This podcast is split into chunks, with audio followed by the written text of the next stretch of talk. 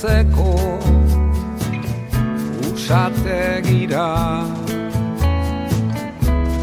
Abiatzen naiz Arratxero Zurezko etxeak Aurrak tantzan Ederregia zain denaren baten zain. Ene gogoko Erantzun bezinukana Mezulariak Noiz elduko Baiezkoan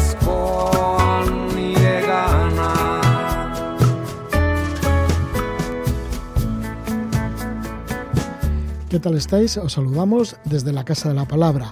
Os presentamos dos entrevistas novedosas nunca antes emitidas en nuestro espacio radiofónico. Para empezar vamos a contar con José Padró, decano de los egiptólogos españoles.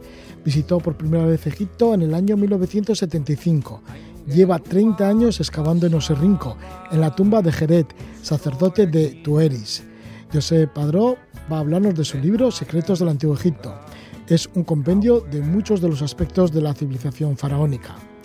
Estaremos también con Javier Rutia y Rafael Bartolomé. Nos acercan a cimas hermosas y relevantes próximas a Euskal Herria. Son los autores de la guía Cumbres Anejas y recopila 57 montañas de Burgos, La Rioja, Cantabria, Soria, Bear y Huesca. Ahora estamos con José Padró, todo un entendido en la egiptología. Nos habla de secretos del Antiguo Egipto.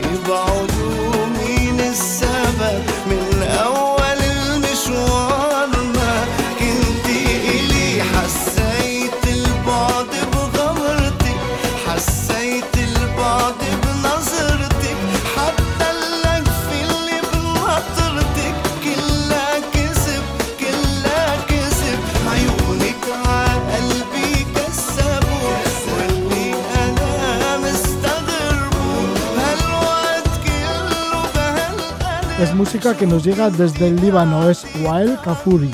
Vamos a un país vecino del Líbano, como es Egipto, y vamos a hablar de un libro que lleva el título de Secretos del Antiguo Egipto. Lo ha hecho un gran egiptólogo como es Josep Padró. Josep Padró, que nació en Barcelona en el año 1946, es el decano de los egiptólogos catalanes. Lleva excavando en Oserrinco desde el año 1992. Es catedrático emérito vinculado a la Universidad de Barcelona, recientemente jubilado. Es fundador y presidente de la Sociedad Catalana de Egiptología.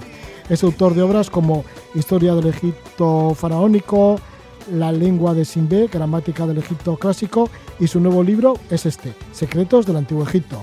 Es una colección de textos que el propio autor califica de microhistorias, pequeños detalles de la historia de Egipto o de su civilización que le han llamado la atención por su trascendencia a priori insospechada. De esta manera, el libro está dividido en historia, religión, civilización, arqueología y consejos para futuros egiptólogos. Josep Padró está interesado por los estudios egiptológicos desde el año 1969. Le damos la bienvenida. Josep, buenas noches. Buenas noches. Josep, pues te acabas de jubilar con 74 años. ¿Por qué una vida entregada a la egiptología desde el año 1969 hasta ahora?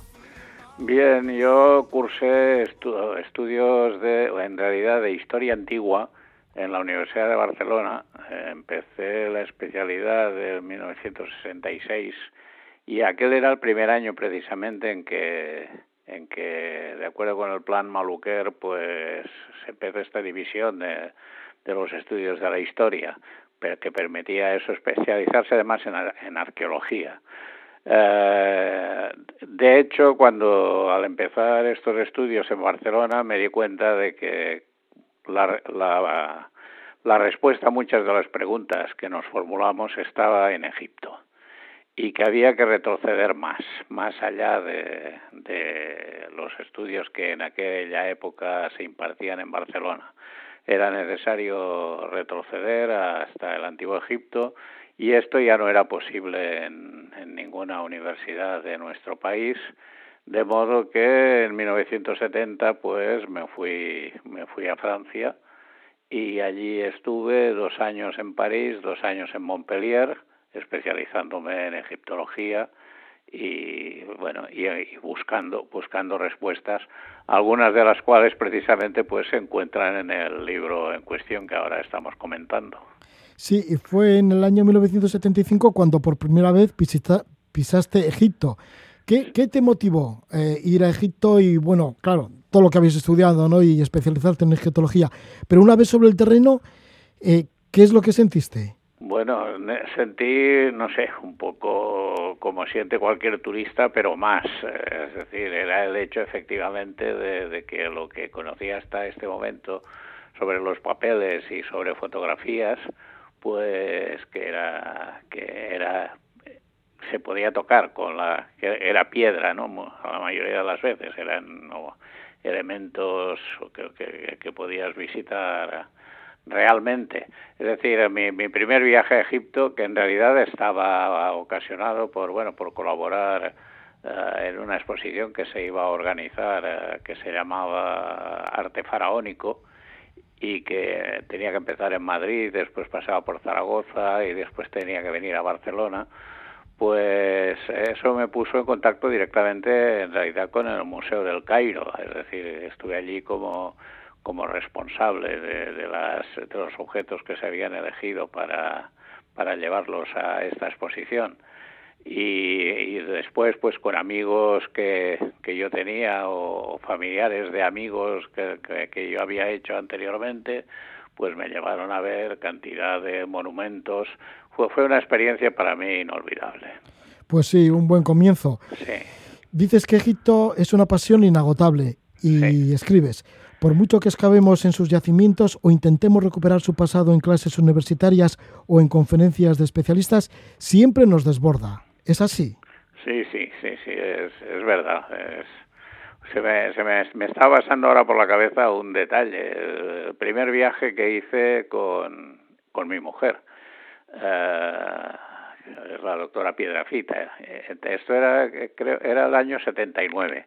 E íbamos en autocar por la noche a, a las pirámides y uh, había el Sony Lumière eh, funcionando en aquel momento y yo vi en el horizonte, eh, vi, vi las pirámides iluminadas y se lo dije, mira las pirámides. Y mi mujer pues decía, ¿dónde? ¿Dónde? No las veo. Y claro, no las veía porque son tan grandes que ocupaban todo el campo visual. Es decir, era, no se distinguía la, la forma de las pirámides por eso, ¿eh? porque abarcaban absolutamente todo lo que era posible ver desde la ventanilla. Son enormes. Esto también lo he repetido muchas veces, eh, pero es que las fotografías o los planos en definitiva engañan, porque empequeñecen a los monumentos egipcios.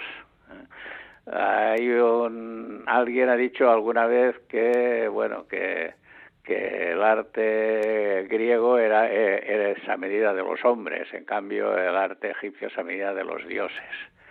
Y yo contesto sí, pero está hecho por hombres. ¿Y jamás penetraremos en sus secretos? Sí, sí, poco a poco vamos penetrando. Yo, yo he hecho algunas pruebas al respecto. ¿eh?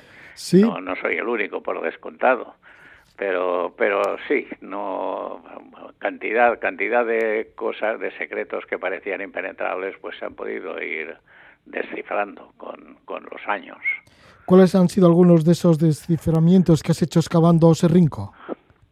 Excavando Oserrinco, bueno, pues eh, hemos descubierto una necrópolis monumental eh, del final de, época faraónica con inscripciones jeroglíficas muy interesantes que nos hablan de personajes, de grandes personajes de, la época que se habían hecho enterrar allí se ha, y se ha podido ver eh, reconstruir familias enteras de, de estos personajes y de los títulos que usaban, títulos civiles, y títulos religiosos. Es decir, se ha podido hacer un cuadro de, digamos, de, de, la alta sociedad oxirrenquita, pues estamos hablando del siglos 7 y 6 antes de Cristo. Y después, pues se ha podido ver un poco, pues, la, influencia de, de, la religión egipcia, especialmente, eh, sobre los griegos que se aposentaron en la zona después de la conquista de Alejandro Magno pues ver cómo también los griegos que, en cambio no dejaron su lengua, ahí están los papiros de Oxerringo que están mayoritariamente en griego, pero uh, cómo se habían dejado atraer y captar por la religiosidad egipcia. Y finalmente los cristianos, llegaron los cristianos y se, se instalaron en exactamente en el mismo lugar. ¿eh? ¿Cuál era el nivel de civilización alcanzado por los antiguos egipcios? Bueno, pues era eh, uno de los niveles más altos que, existían en, aquel momento. Eh, la, la, sociedad egipcia, es decir, hay que tener en cuenta que, realmente su antigüedad es enorme. Es difícil hacernos, darnos cuenta de ello, hacernos cargo de esta antigüedad, pero históricamente con hechos, ah, con, con documentación escrita entre retrocedemos hasta 3.000 años antes de Cristo, antes de nuestra era, pero hay que tener en cuenta también que, bueno, pues hay una época predinástica, una civilización predinástica que ocupa también como mínimo mil años más hacia atrás.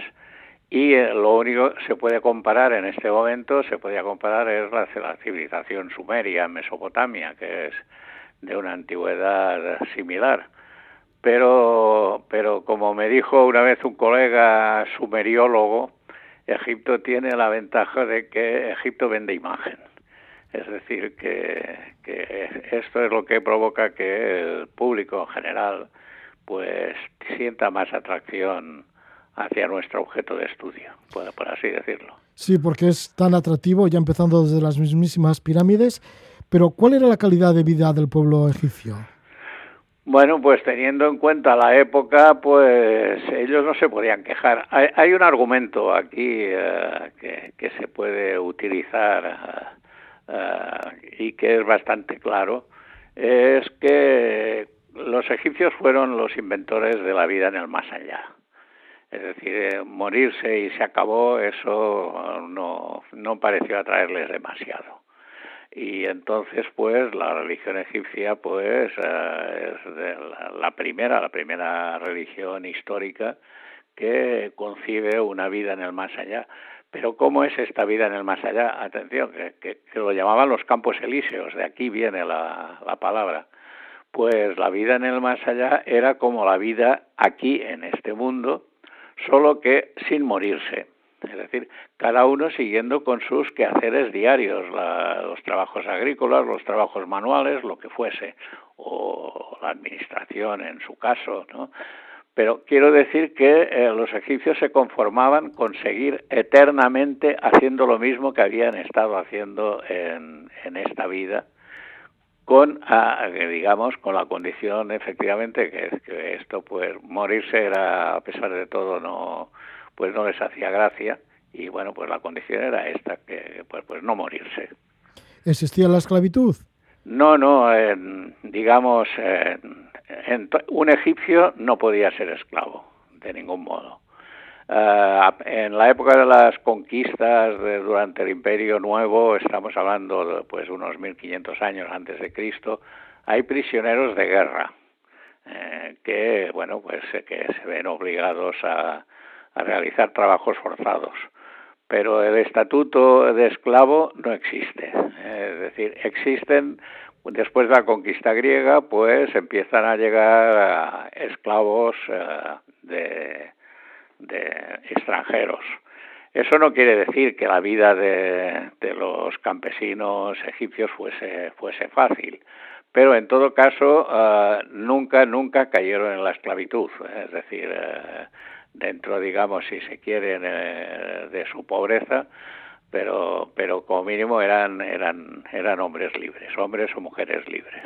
¿Cómo eran tratados los obreros, la mano de obra que construyó las grandes pirámides? Bueno, esto es eh, una pregunta, digamos, fácil de responder porque se ha encontrado documentación y recientemente todavía se ha encontrado más al respecto eh, que explica cómo, cómo eran contratados estos obreros. Eh, por un lado se sabe, porque por algunos de los contratos que se han encontrado, que se prohibía taxativamente utilizar a determinado obrero eh, para realizar otro trabajo que aquel para el cual había sido específicamente contratado. Y por otro lado, esto es, mucho más reciente, pero estamos hablando de la época de Keope, del constructor de la Gran Pirámide. Se han encontrado pues los papiros en los que anotaba el día a día un capataz que estaba al cargo de una brigada de obreros y se sabe la actividad que, que estos obreros realizaron durante un año entero, eh, durante 365 días. Estos papiros se han encontrado casi de manera milagrosa eh, y se ve, pues efectivamente, esta brigada de obreros, como eran trasladados de un sitio a otro, al servicio del Estado para realizar trabajos públicos, entre los cuales figuraba pues colaborar en la construcción de la Gran Pirámide, pero también otros trabajos, trabajos portuarios, por ejemplo, y se sabe cómo además pues cómo eran abastecidos y cómo eran remunerados estos obreros. Tardaron mucho, ¿no? En, construir estas pirámides y mover esos gigantescos bloques de, piedra.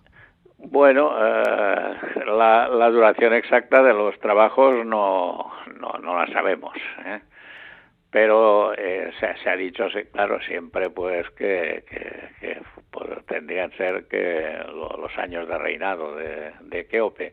Esto está en consonancia, efectivamente, se sabe que se han encontrado pirámides inacabadas de, de reyes que pues que murieron antes de, de, que se hubiese acabado su, su monumento funerario es decir, ningún, ningún faraón prácticamente eh, se molestaba, entonces se tomaba la molestia en acabar el monumento funerario de su predecesor si, eh, si no se había terminado.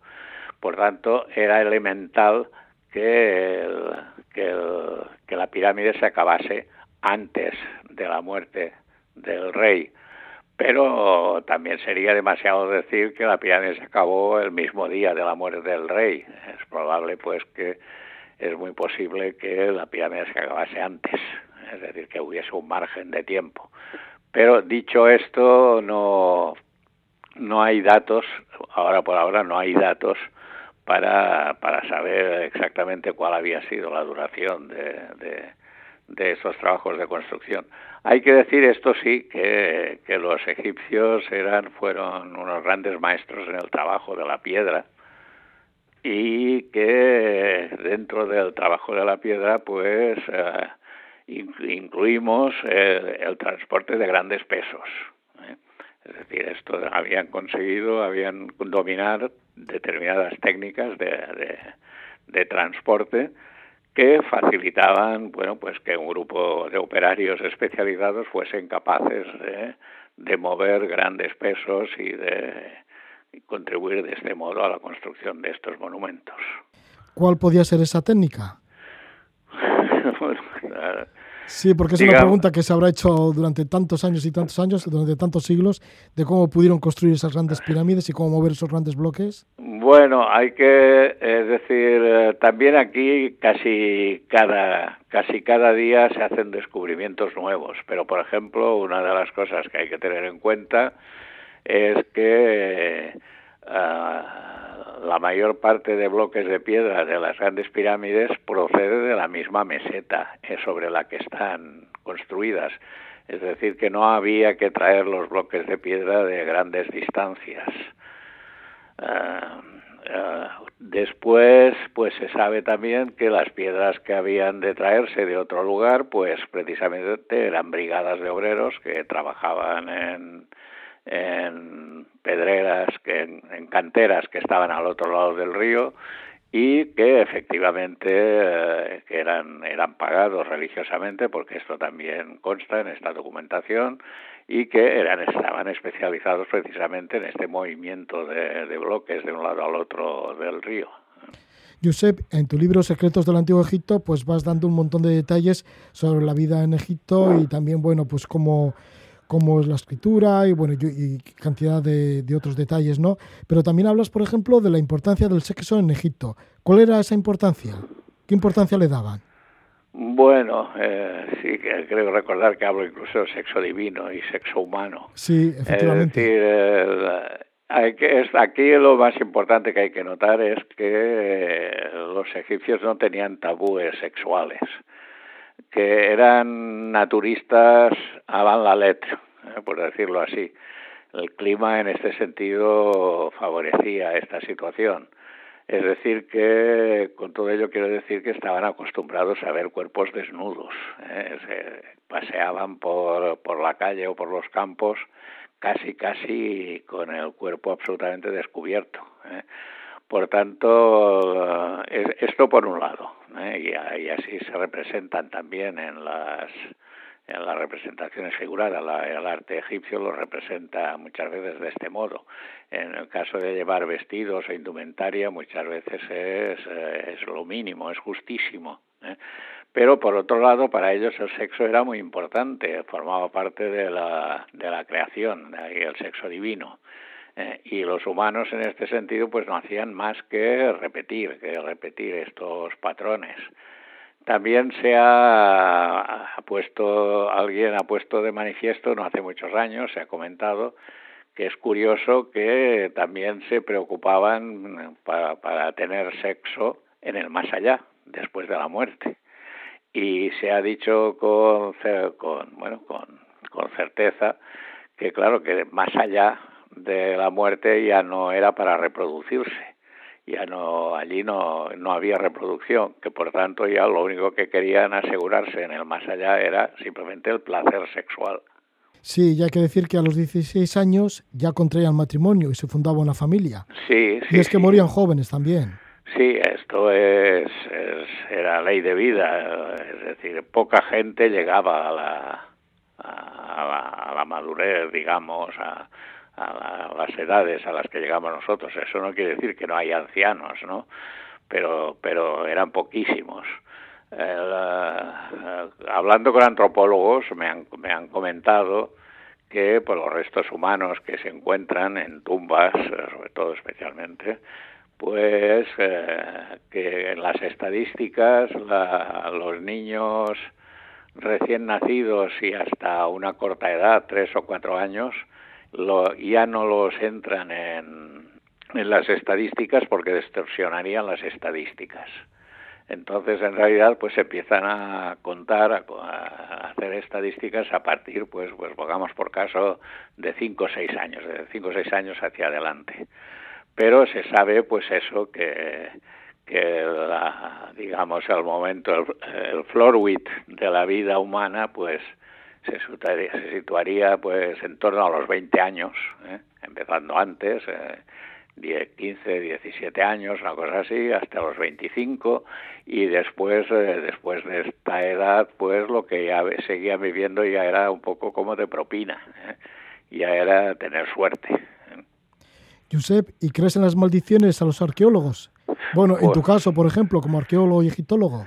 Bueno, esto es, es algo con lo que hemos tenido que, que bueno que, hacer frente porque en una de las tumbas de Oxerrinco nos salió efectivamente una maldición.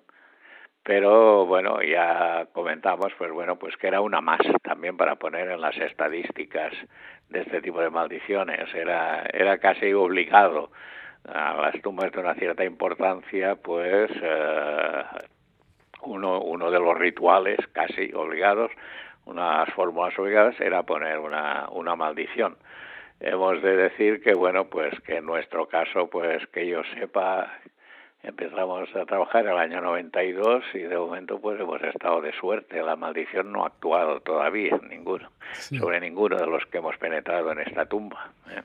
bueno pues que no sea así ¿y cómo fue la penetración en la tumba? ¿Cómo fueron esos momentos? Bueno, la, la tumba eh, la arquitectónicamente está intacta, es una tumba monumental, increíble, construida de una sola vez, y eh, la cuestión es que estaba siendo saqueada. Claro, a lo mejor eh, que se llevó la maldición fue el primer ladrón que entró, que entró en la tumba y desconocido, y nosotros ya no lo, no lo pillamos. El Servicio de Antigüedades precisamente tuvo noticia de la importancia del yacimiento porque tuvo, le llegó, llegó a su conocimiento que se estaba saqueando una necrópolis en este lugar. Esto era el 82 y entonces pues fue cuando buscaron un partener extranjero, un partener europeo para que para colaborar en las excavaciones y a partir de aquí de, este momento pues se formó la misión mixta, en aquel primer momento era la misión mixta eh, entre la Universidad de Barcelona y el Servicio de Antigüedades egipcio para excavar eh, en, primero en primer lugar en esta necrópolis y después ya en, en todo el resto del yacimiento que es una ciudad enorme bueno, pues ahí estáis en esa tarea y José Padró lleva excavando en Oserrinco desde el año 1992. Es catedrático emérito vinculado a la Universidad de Barcelona y ahí está, pues toda una vida entregada a la egiptología. Y en este su último libro, Secretos del Antiguo Egipto, resalta algunos aspectos que le han llamado la atención, como el magnicidio en el Antiguo Egipto, eso de matar al faraón, fíjate que el faraón que era sagrado, bueno, pues sí que ha habido casos y los expresa en el libro. También hay otros apartados de la Biblia y Egipto, mujer y poder, sexo divino y sexo humano, dioses egipcios, origen de la lengua y de la escritura egipcia, vocabulario egipcio en el castellano, nombra algunos arqueólogos ilustres que ha conocido, también instrumentos de trabajo básicos para ser egiptólogo y también da una serie de consejos para futuros egiptólogos. Igual nos quedamos con esto. ¿Cuál sería alguno de estos consejos para esos futuros egiptólogos? Bueno, pues eh, buscar en principio una, una buena escuela de egiptología, que no tiene por qué estar necesariamente en el estado en el, estado español es preferible preferible conocer mundo ¿eh? Francia Inglaterra Alemania Italia Suiza ¿eh? Bélgica Holanda tienen buenas escuelas de egiptología y tener a mano que en estas escuelas que haya a mano una buena biblioteca ¿eh? es decir tener una buena biblioteca es muy importante Uh, yo eh, me he esforzado en, constituir una biblioteca en Barcelona, pero he de reconocer que lo, los medios pues son limitados y a pesar de que he tenido ayuda pública y privada, pues uh, es costoso. Es decir, empezar a una biblioteca de cero cuesta.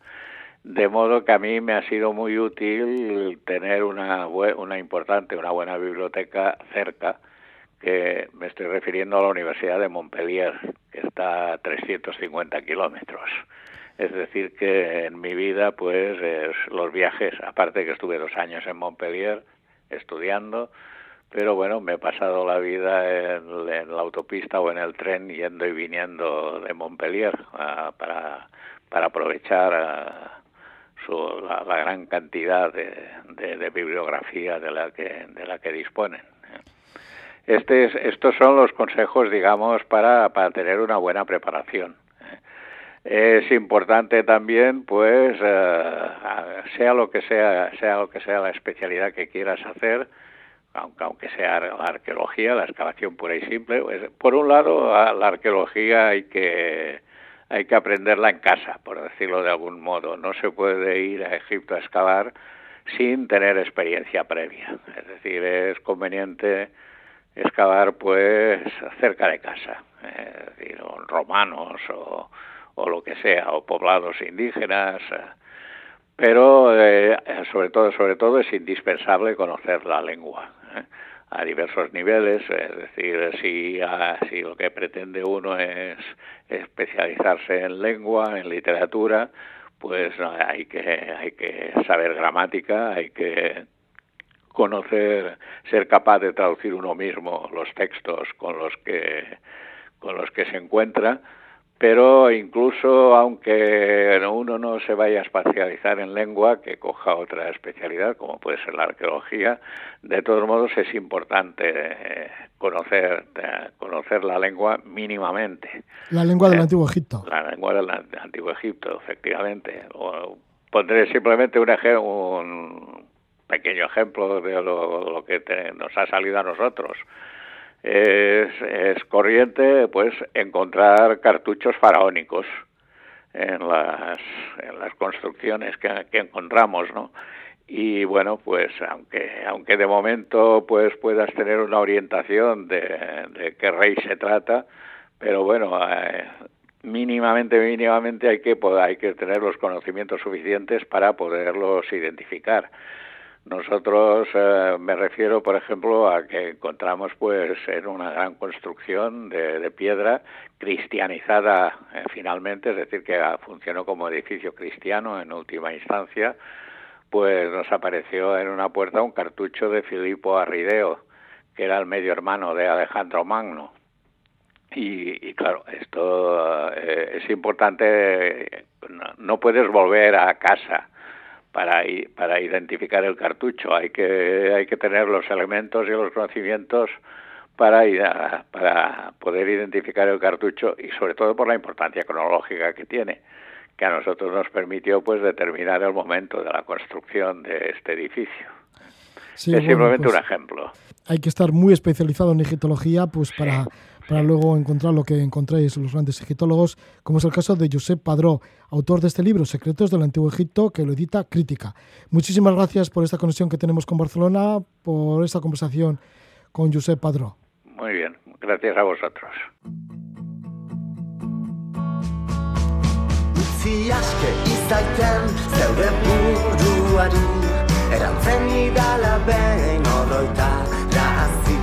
Horrenta minutuen horratzak josiz Zematekin daiteken Denbora gutxiz. Nola alta daitezken nigarrak irriz Zergatzen altzen uken minuta erdiz.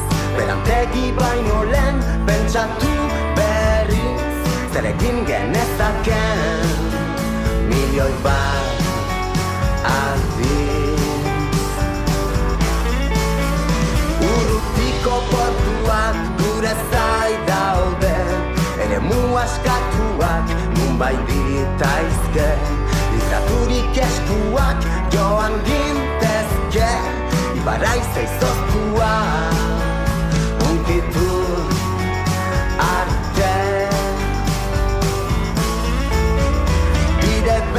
beldurgarriak segi ditzagun Burandasun guziak utzirik urrun Argitzen du iguzkiak egunez egun. Aire freskak garriak Hor dira entzun.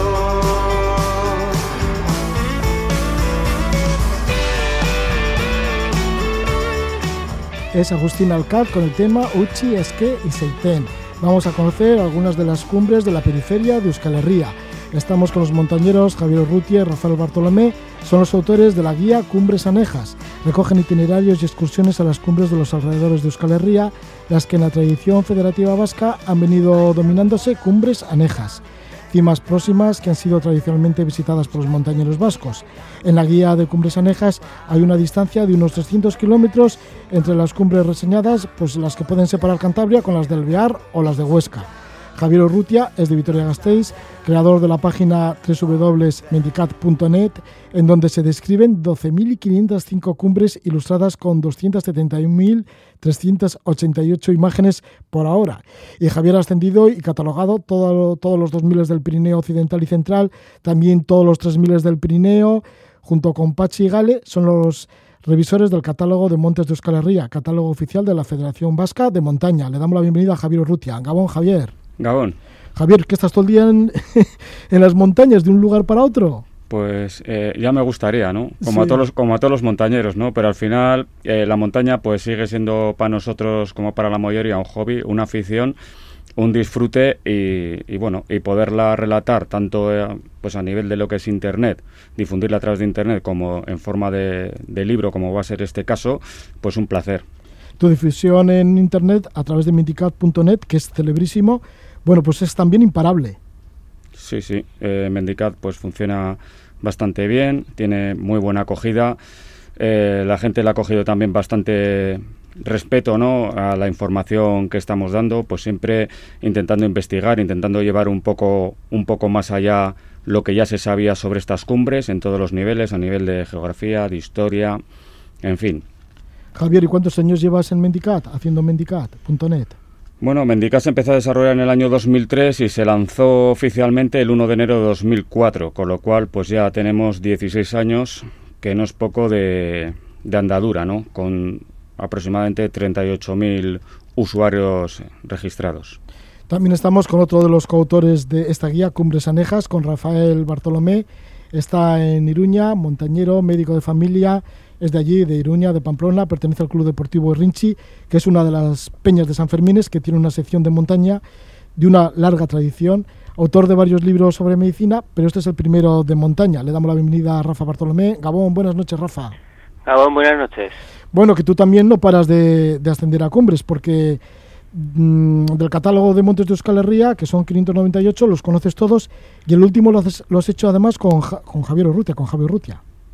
Sí, en efecto, fue una ocasión un poco especial que ya nos juntamos para celebrar el de las siete provincias principales de Euskal Herria con el fin de acabarlo juntos, con, como con esa oportunidad y, y bueno, yo creo que fue una experiencia bonita. Rafa, ¿y cómo os habéis repartido estas cumbres anejas? Estas cumbres Hombre, periféricas. Sí, pues más o menos la mitad cada uno y digamos un poco por cercanía, porque también aunque la mayoría de trabajo de campo estaba hecho, pues también de algunas cumbres nos faltaba fotos y había que actualizar un poco igual la ruta, entonces digamos que lo que coge Aragón y Pirineo de Huesca y es- esas zonas pues me he encargado yo más y lo que es Cantabria se ha encargado más Javi. Y luego ha habido algunas zonas que nos hemos repartido entre los dos, quizás las zonas de la Sierra Magdalena, zonas de Burgos, etcétera. Presentáis 57 excursiones. ¿Vienen seleccionadas dentro de un catálogo de estas cumbres que se llaman así, cumbres anejas? Sí, es- Sí, sí, sí. Rafa.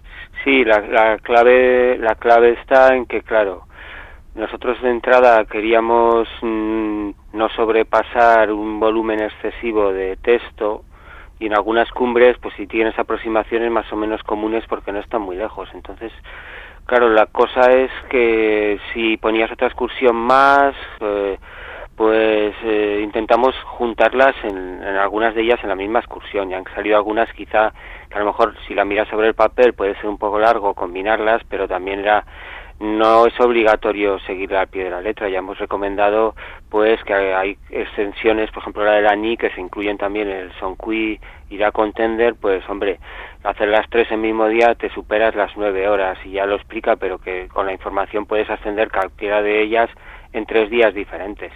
Javier, ¿y cómo es la historia de este catálogo de estas cumbres anejas? ¿Desde cuándo se están catalogando?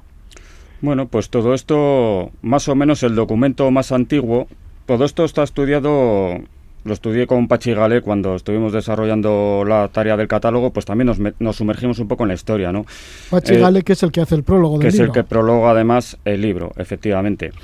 Entonces, eh, encontramos desde manuscritos y mecanografiados muy, pues muy básicos de Ángel Sopeña, eh, pionero de la escalada en Euskadi, que empezó a elaborar ya pues un- eh, unos listados de montes, sobre todo relacionados con los 100 montes de Vizcaya, pero que también incluían en su momento eh, anexos, ¿no? Y esos anexos eran tanto cimas como, como de Araba o de Guipúzcoa, pero también incluían eh, cumbres eh, próximas de Burgos y de Cantabria, fundamentalmente. Posteriormente, sobre todo el Club Deportivo Ibar fue desarrollando también catálogos donde se fueron, incorporando también cumbres de estos territorios anejos a Euskadi y ya en 1950 el catálogo, el primer catálogo oficial de la federación, en el cual participó también el mismo Ángel Sopeña, eh, pues ya incluye eh, cumbres eh, no solamente anejas a Euskadi, sino de todo el ámbito peninsular, incluso en ese momento en ese momento cumbres de Marruecos, de Guinea Ecuatorial que era protectorado español, o sea, tenía ya una amplitud de mm, bastante. Los anejos se fueron ya eh, bastante lejos, a bastantes kilómetros de. Y, tanto que sí, fíjate, hasta Guinea Ecuatorial. Es, exactamente. Que está ahí en la línea del Ecuador, ¿no? Todo tropical, en el Golfo de Guinea. Eh, exactamente, exactamente. Entonces, eh, pero bueno, lo que se han llamado posteriormente los verdaderos anejos son los que realmente rodean a, a lo que es Euskal Herria y estamos hablando pues de Burgos, de Cantabria, estamos hablando de la zona de Zaragoza también, de lo que puede ser Alta Zaragoza y la, comarca de Cinco Villas, aunque no nunca se han considerado muchos montes, y la zona de un poco de, Pirineos. Hasta ahí han venido, han sido la, zona que se ha considerado anejos. Esta ha ido evolucionando conforme se han ido sacando ediciones y se ha ido pues perfilando o mejorando pues a nivel de, toponimia, de, de las altitudes, etcétera, etcétera. ¿Mm? Sí, en esta guía de excursiones pues lo habéis estructurado, la temática la habéis estructurado en 10 zonas geográficas. Eso es. Que distan entre unas y otras como 300 kilómetros más o menos, como hemos dicho, ¿no? Sí, es la particularidad del libro, que igual SUA nunca había hecho un libro normalmente, pues sí que había hecho monografías sobre La Rioja, sobre Burgos, sobre Zaragoza, sobre Cantabria recientemente, ¿no? Y sobre todo eh, temática también de Euskal Herria, Pirineos, eh, pero no una cosa que estaba como dispersa geográficamente, ¿no? Porque estamos hablando de eso, estamos hablando desde los valles del Paz, eh, en, los límites o en los confines entre, entre Burgos y Cantabria, hasta irnos al extremo opuesto donde tenemos los valles de Hecho, la Jacetania, o sea, la zona de Aragón, con la zona también de, de lo que es eh, Bear, ¿no? del departamento de Pirineos Atlánticos. O sea, está como muy repartido o muy disperso, pero claro, los montañeros, eh, ya hay muchos aficionados que van siguiendo la lista al dedillo. Y normalmente, una vez han acabado con su provincia y las provincias un poco de Euskal Herria anesas, pues suelen coger y, y suelen seguir por, por aquí. Si no lo han hecho mientras, pues eso, igual han estado haciendo Vizcaya y mientras tanto, pues también se han acercado a, estos montes porque la verdad es que pillan muy cerca de, su pues eso, de, su residencia, ¿no? Os voy a pedir opinión de la descripción de algunos de los lugares que aparecen en esta guía de Cumbres Anejas. Ya hemos dicho, son 57 de ellas, 57 excursiones. Una por reseñar, ya que has nombrado antes el Valle del Paz. Javi, cuéntanos un poquito qué nos podemos encontrar en el Valle del Paz en la zona de Cantabria y sobre todo en Castro de Valnera, que es la cumbre principal de la zona. Pues sí, bueno, las montañas pasiegas, yo, bueno, yo he andado mucho por las, por las montañas pasiegas, ¿no? De hecho, todos los años subo al Castro Valnera y normalmente también suelo subir a, a otras cumbres también.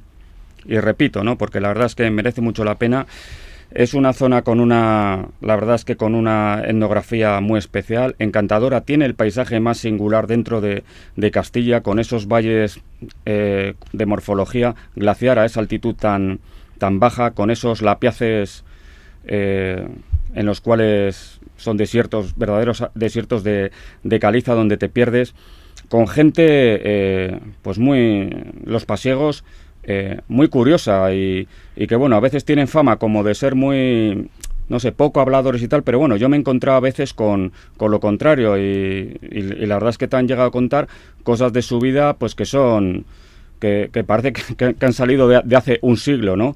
Pero no, en, yo he estado con pasiegos, por ejemplo, que me han contado que sus hijos han nacido en los 80, pero pero no han conocido la electricidad, no han conocido la televisión mientras, eh, yo qué sé, Bill Gates intentaba colocar ya un computador en cada casa, ¿no? Es decir, todo eso es, es una realidad que, que ha existido en estas, en estas montañas de paz, ¿no? Y, el Castro Balnera es la más elevada de ellas, es visible desde muchísimos kilómetros a la redonda, se ve desde el mar, se ve desde Cantabria, se ve desde las sierras de, del sistema ibérico, desde el sistema ibérico riojano, o sea, se ve desde muy lejos y es una montaña pues que también ha sido muy es muy venerada por por, por los pasiegos y en fin, un, un sitio realmente maravilloso en el que, en el que pues es muy interesante ir y volver y, y subir por otra, probar otra, otro itinerario, otra ruta, siempre es la sorpresa. Sí, porque hay varias rutas, marcáis varias rutas, bueno, y sobre todo una especial, ¿no?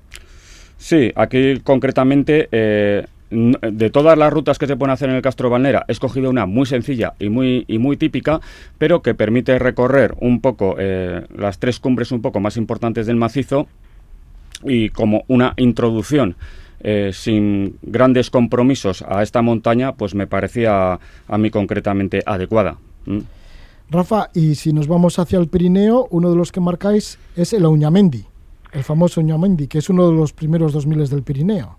Claro, es, es eh, yo creo que refleja un poco la filosofía del catálogo de anejos, lo que es un anejo y lo que es la filosofía de este catálogo, una montaña que tradicionalmente desde hace muchos siglos era considerada una de las montañas sagradas de los vascos, de los antiguos vascones, pero que nunca ha estado en Euskal porque está en Bear claramente, pero es que se ve, pues se ve, igual que nos pasa en el sur de Navarra cuando miras y ves el Moncayo, pues es que es de Zaragoza y de Soria ya, pero a mí qué me dice que hay límites aquí. Estoy viendo una montaña ahí que me apetece subir, que es grande, bonita. Pues el Auñamendi es, eh, aparte te incluye pues lo que es el paisaje alpino, que podría ser de, de una zona rocosa del Pirineo ya espectacular.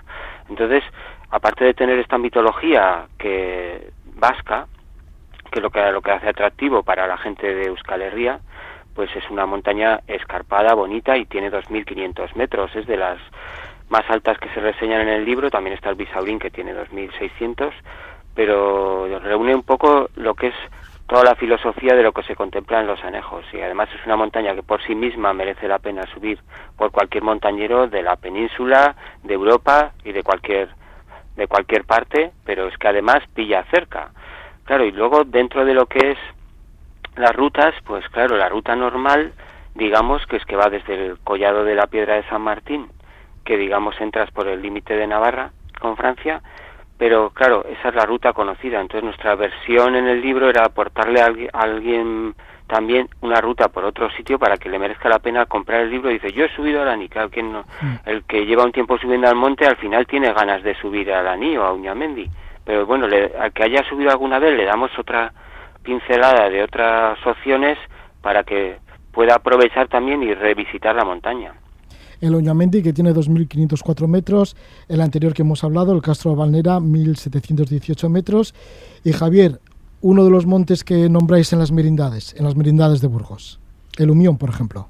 Pues efectivamente, el Umión, pues yo le tengo bastante cariño. eh, yo tengo familia en Frías y, y claro, bueno, para los habitantes de Frías, pues es, y en general para los habitantes del Valle de Tobalina, pues es una referencia ineludible, ¿no? Un monte que seguramente en la antigüedad fue sagrado, en torno en sus, en sus bases hay muchos, hay muchos antiguos sepulcros, eh, ermitas mirando hacia, hacia, ese, hacia esa cumbre que se eleva casi mil metros eh, por encima de- del Ebro. En fin, una cumbre eh, a la cual pues yo también subo, subo muy a menudo. De hecho, suelo subir este fin de semana, claro, el confinamiento, la situación que estamos viendo con el COVID-19, pues ha impedido la celebración de todo tipo de festejos, ¿no? Pero este fin de semana priante se celebraron las fiestas más importantes de la pequeña ciudad de Frías, la más pequeña de, de España. Y, bueno, yo ese día suelo aprovechar para, para subir al Umión y, y disfrutar desde ahí de, de, un ambiente, porque se ve incluso la fiesta, se ve el castillo de Frías, eh, y luego pues también acompañar a, a los demás en, en la fiesta, ¿no? Una montaña que también tiene muchas, muchas rutas y en este caso pues la que, la que he elegido es una ruta más inédita que se llama la Senda del Gitano. Tiene también su historieta pero no se había publicado. Eh, se recuperó gracias a la Asociación de Amigos de Frías, que han hecho mucho trabajo en el conocimiento no, solamente de Frías, sino en la limpieza de los antiguos senderos. Es una ruta también de kilómetro vertical, de mil metros de desnivel, que parte desde la misma ciudad. Y, bueno, pues gracias a ellos y, y, a la gente que seguimos pasando por, esos, por ese sendero, pues se, se seguirá, se seguirá manteniendo.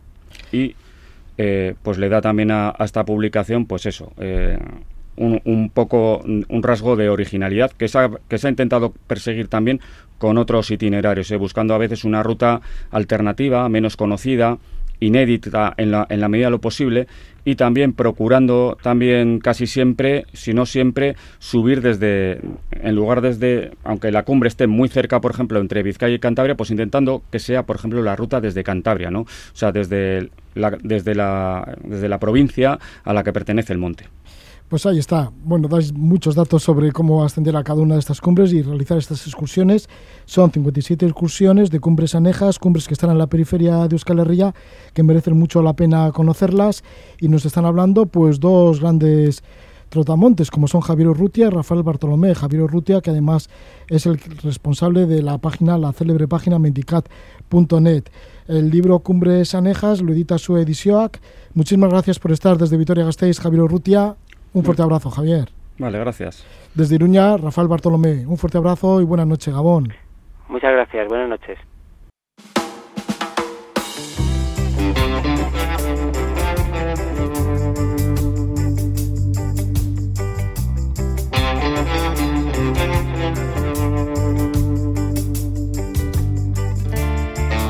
Rafael Bartolomé y Javier Urrutia nos han dado un repaso a algunas de las cumbres anejas a Euskal Herria. Escuchamos al grupo de Bilbao Bulk, hacen post-punk. Este es el tema La Nean canta. Salud y alegría.